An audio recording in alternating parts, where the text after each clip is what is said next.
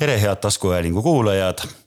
Pärnu Postimehe toimetus on juba neli nädalat täitnud Pärnu haigla vaimse tervise keskuse erinevaid ülesandeid ja selle nädala ülesannet ma ära ei ütle, aga sellel puhul on meil täna külas loovterapeut Eda Leesalu, tere. tere kõigile. ja veel on meil stuudios Pärnu Postimehe rahvast muidugi rohkem, Siiri Erala. tervist.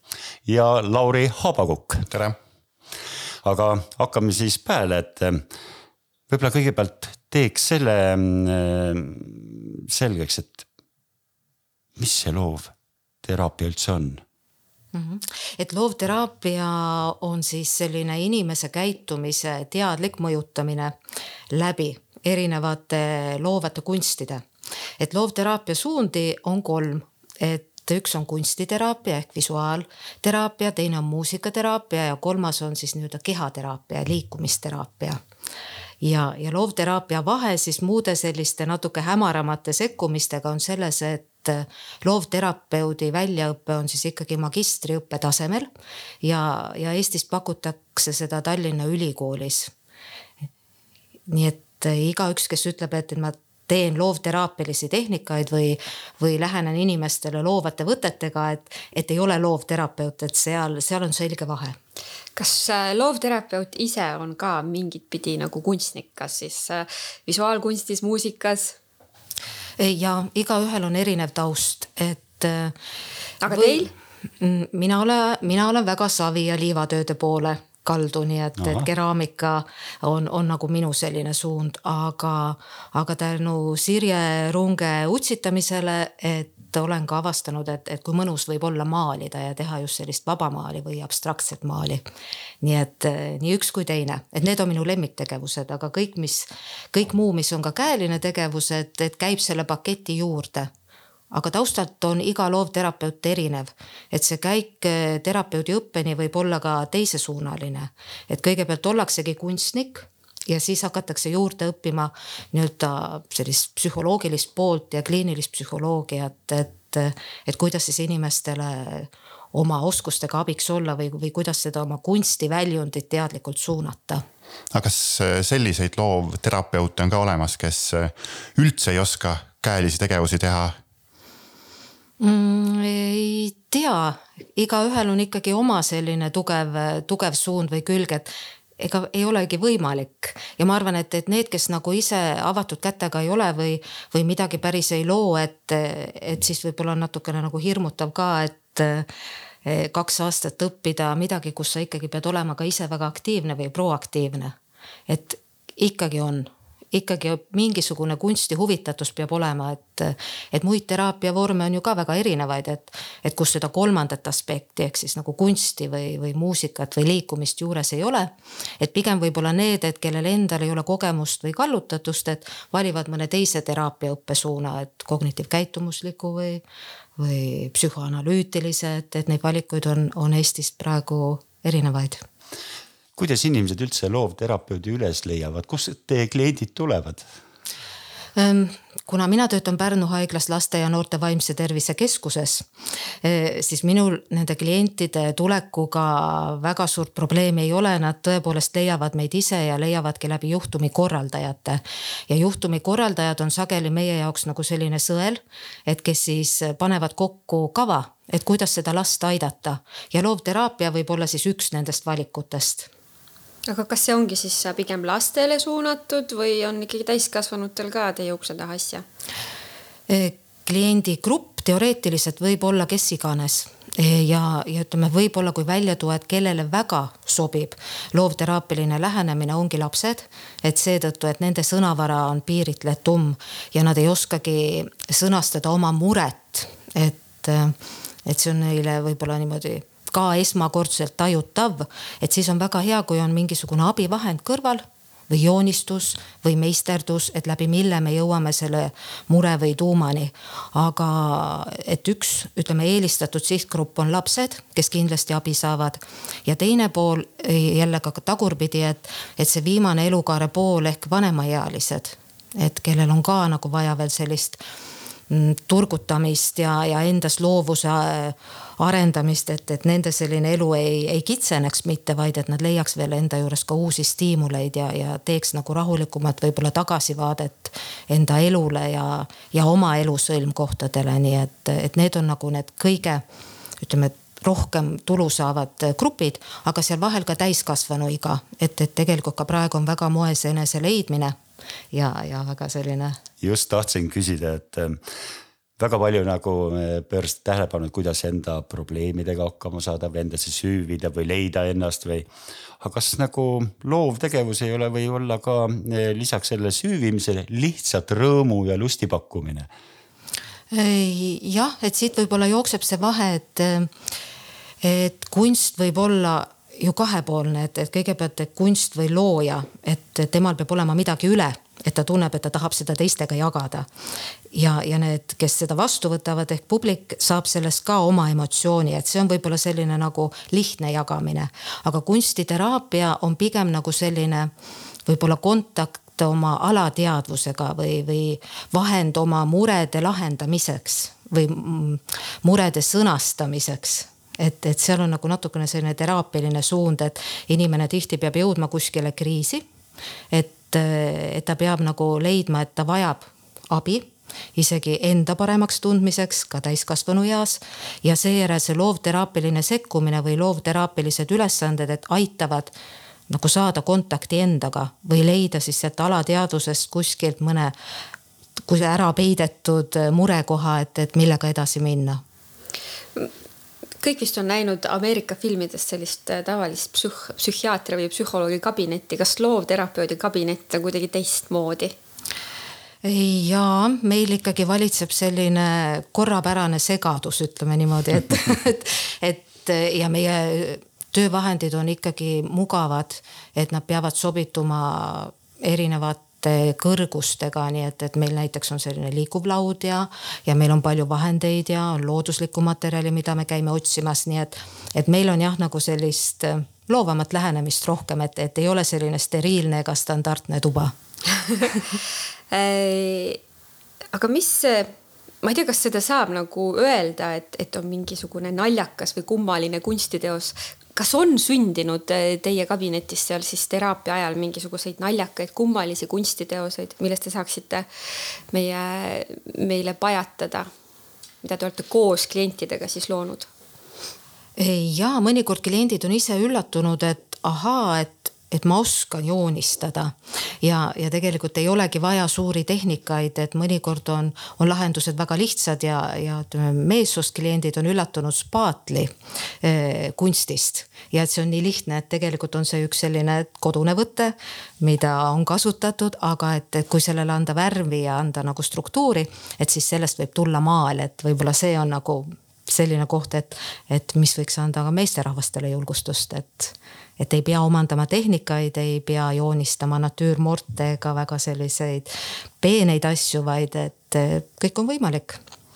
Aga läheme siis selle põhipõhjuse juurde ka, et te andsite ka meile, toimetuse rahvale ähm, selleks nädalaks ühe ülesande, et võib-olla ise siis oma sõnadega ütlete, mida te, mida te, millise ülesande te meile andsite ja, ja mida me siis sellega saa-, pidime saavutama ja, ja kuidas meil õnnestus see mm. -hmm. nägin ja teie seinalt, et eh, teile on tekkinud siia mitmeid töid ja, ja need on kollaaži tehnikas ja kollaaži tehnikas siis enda maailma nagu avamine teistele eh, on samasugune vorm, et, et siin ei ole vaja põhjalikku ettevalmistust, vaid et oluline on nagu leida ja tükikestest kokku panna eh, enda selline maailm ja, ja kuidas see nagu aitab, aitab sellega, et, et kõigepealt on see nagu põhjus võib-olla otsida ja kaevata endas, et, et mis on see minu maailm, millistest tükkidest ta kokku läheb. ja, ja mis on siis minu jaoks oluline aga terapeutilises võtmes on siis kergem, ütleme jutuajamist inimesega alustada, kui, kui näha seda tema maailma juba niimoodi paberile pandult või visualiseeritult, et siis need küsimused on ka kiiremad ja, ja sügavamad näiteks, et. et mida tähendab selle kodulooma kujutamine näiteks või, või see majakene, mida te näitasite, et kas sellel on oluline kaal ja miks, nii et, et see aitab sellist suhet äh, kiiresti alustada tundub, et teil läks väga hästi aga räägime nagu kogemusest ka, et, et Lauri näiteks äsja, äsja lõpetas oma töö. said oma töö valmis, et, et, et mida sa nagu tundsid või mi, miks sa sellise asja nagu tegid või, või ja kas sa olid ka pärast rahul sellega? jah, et va, va, nagu napilt enne siia stuudiosse tulekut sain, sain oma selle töö valmis, aga see ei võtnud väga kaua aega tegelikult kollaaž kokku oli, tegelikult alguses oli vist seitse pilti ja pärast ma unustasin kassid ära, mis on väga tähtsad, et ma tegin.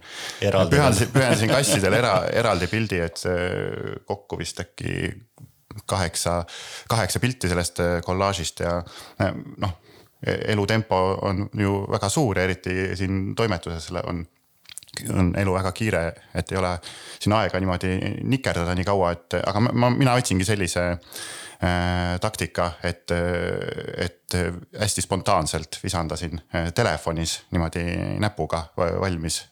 et ühe, ühe pildi peale noh, umbes maksimaalselt minut, ilmselt vähemgi. ja siis võib-olla see selline äh, spontaanne lähenemine võib-olla annabki sellise noh, kõige ehedama tulemuse kindlasti, kui ma mõtleksin järele enda elu peale, kindlasti ma leiaksin väga palju asju veel, mis on mulle väga olulised, aga sellised kiiremad esimesed mõtted võib-olla ongi need kõige, kõige, kõige õigemad.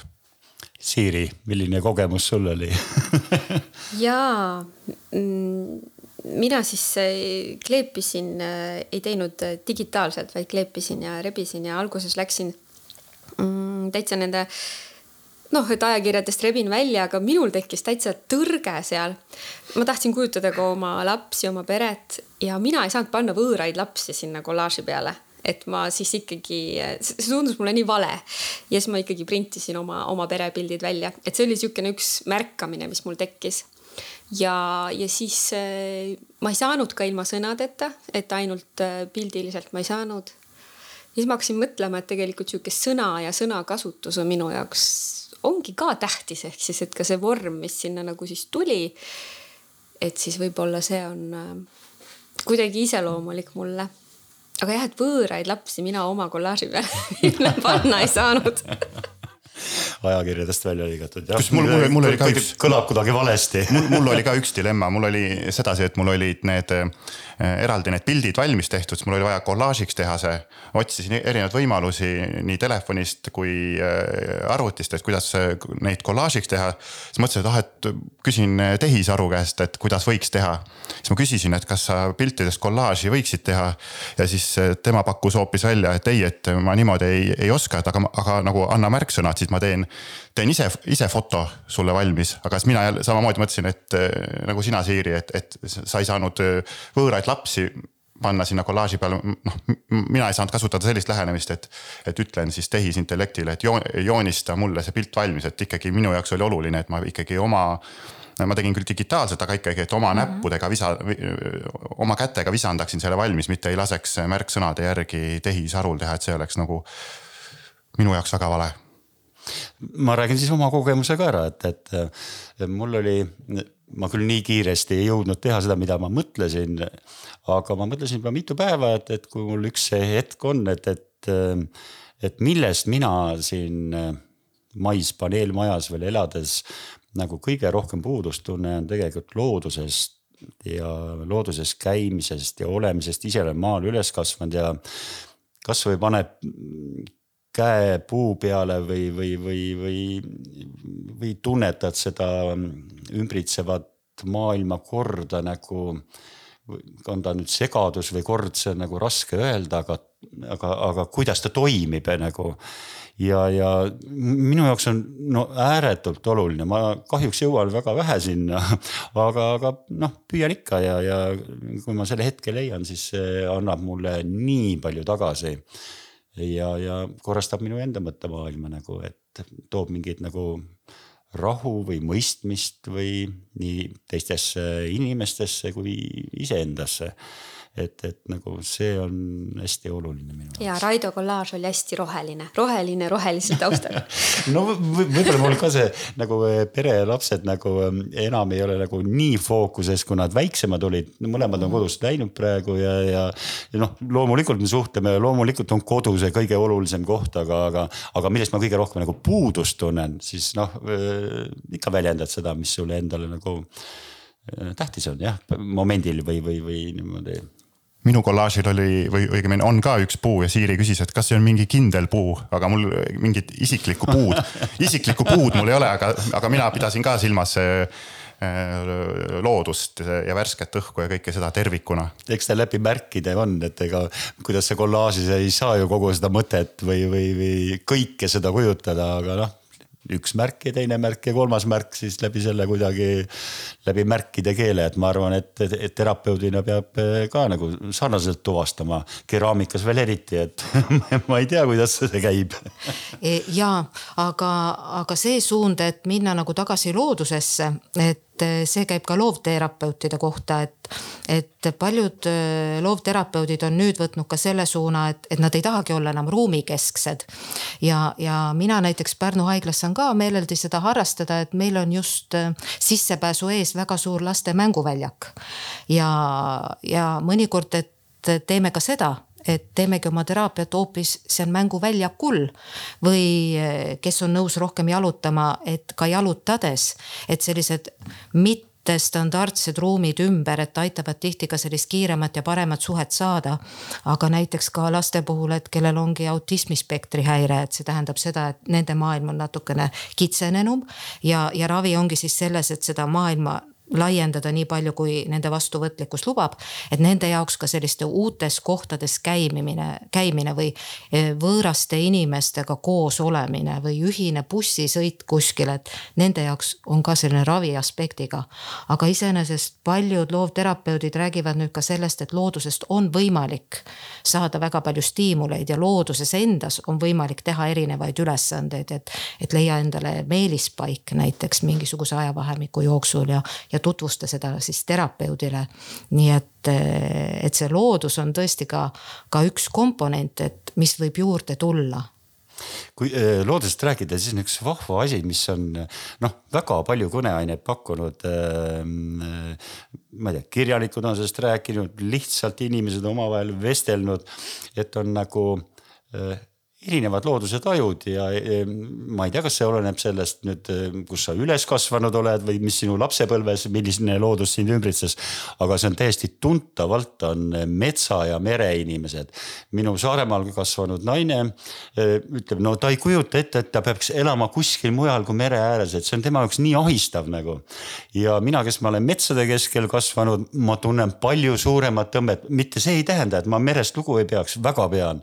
aga, aga tundub, et, et sellist asja on, ilmselt see lapsepõlvest ikka tuleb kaasa kuskilt või, või et milline loodus sind lapsepõlves on nagu ümbritsenud, et see aitab nagu mingisugused, ma ei tea, mis närvilõpmed tajuvad paremini seda ümbritsevat.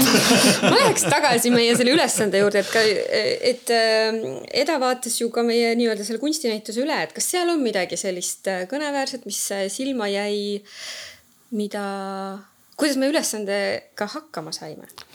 ma arvan, et te saite hästi hakkama ja, ja iga töö oligi eriline, et ehkki see ülesande püstitus oli kõigile ühtemoodi, et, et aga lood olid erinevad ja, ja iga, iga pilt oli ju väike näide sellest inimesest, kes ülesande sai.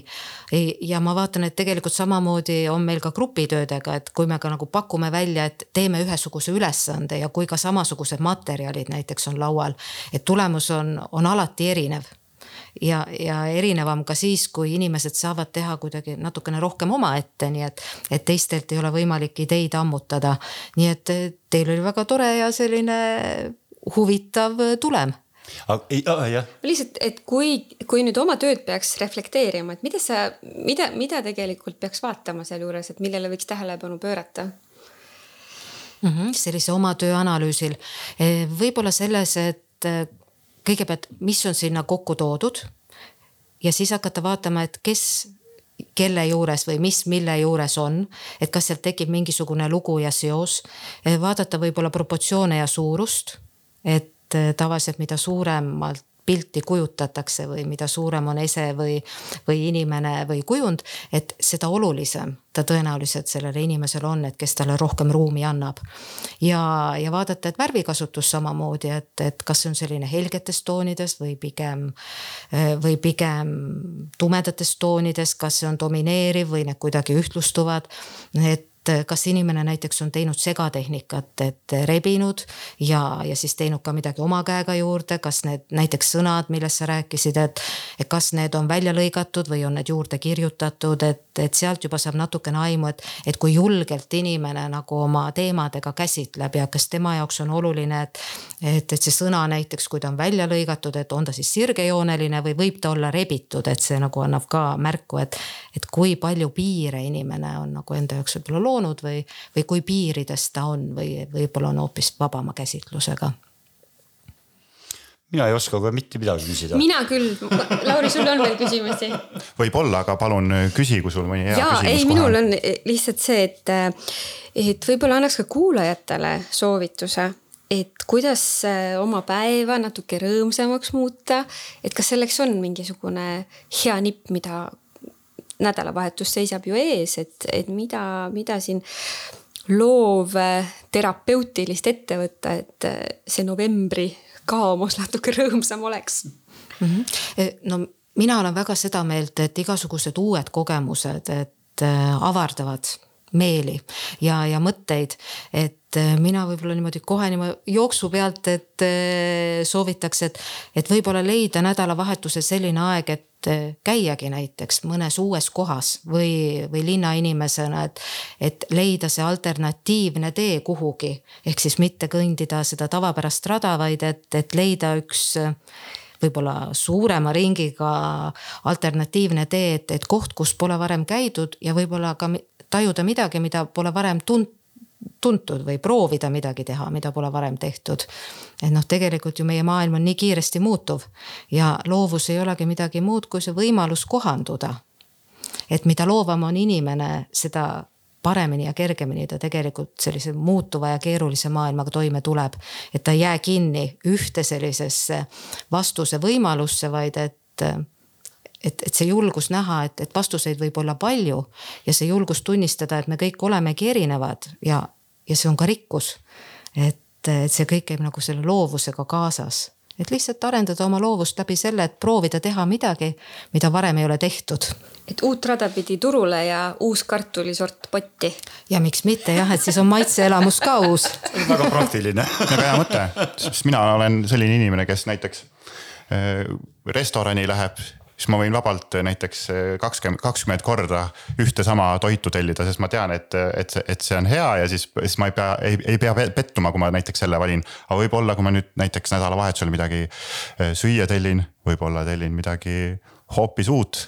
aga lihtsalt siia juurde seesama pettumus, et noh, tegelikult sa uuel rajal võid ju ka sattudagi päriselt selle pettumuse küüsi aga võib-olla tasub seda vaadata niimoodi, et mul on neid võimalusi pool ja pool, et rohkem kui loteriivõidus, et, et ma võin pettuda, aga ma võin ka saada midagi täiesti uut, et avastada enda suud või, või avastada selle uue prae, et mida järgmisel korral mm, võiks uuesti tellida, et.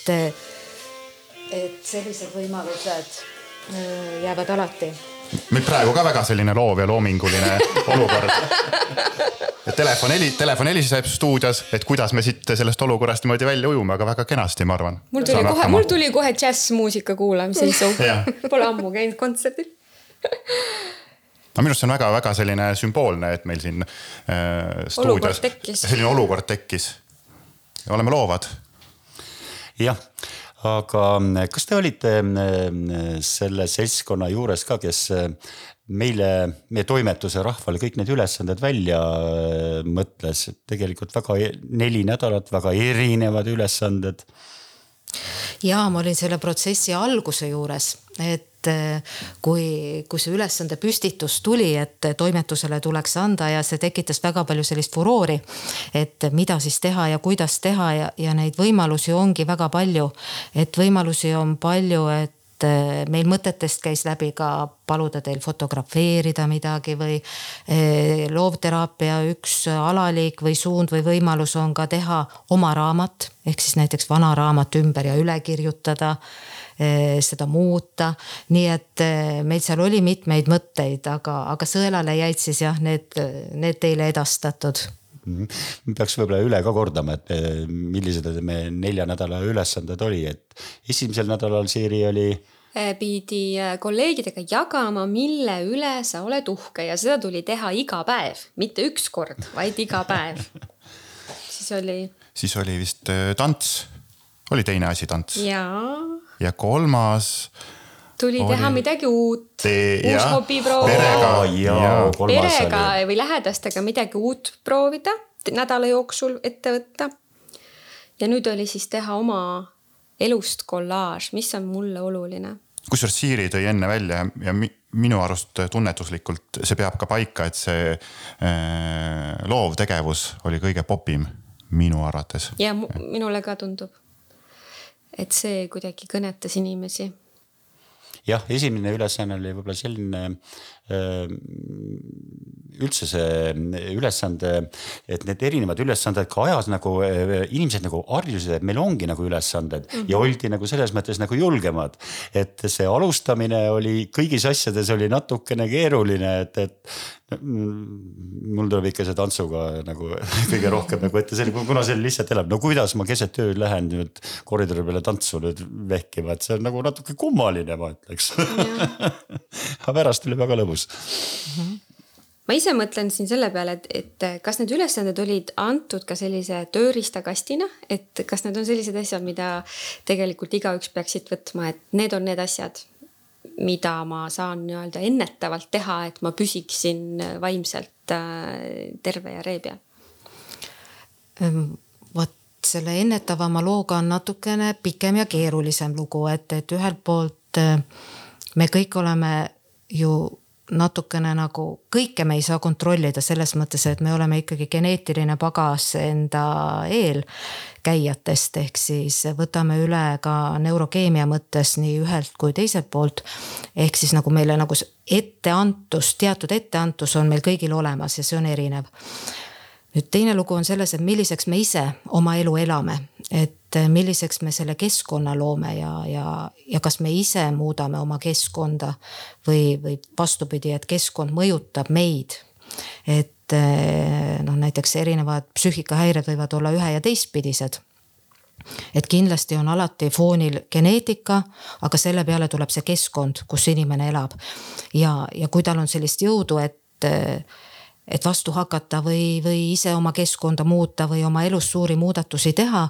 et, et siis võib-olla õnnestubki nagu hea vaimse tervisega ka toime tulla, ka siis, kui see geneetiline pagas seal allpool on, on nõrgemapoolne.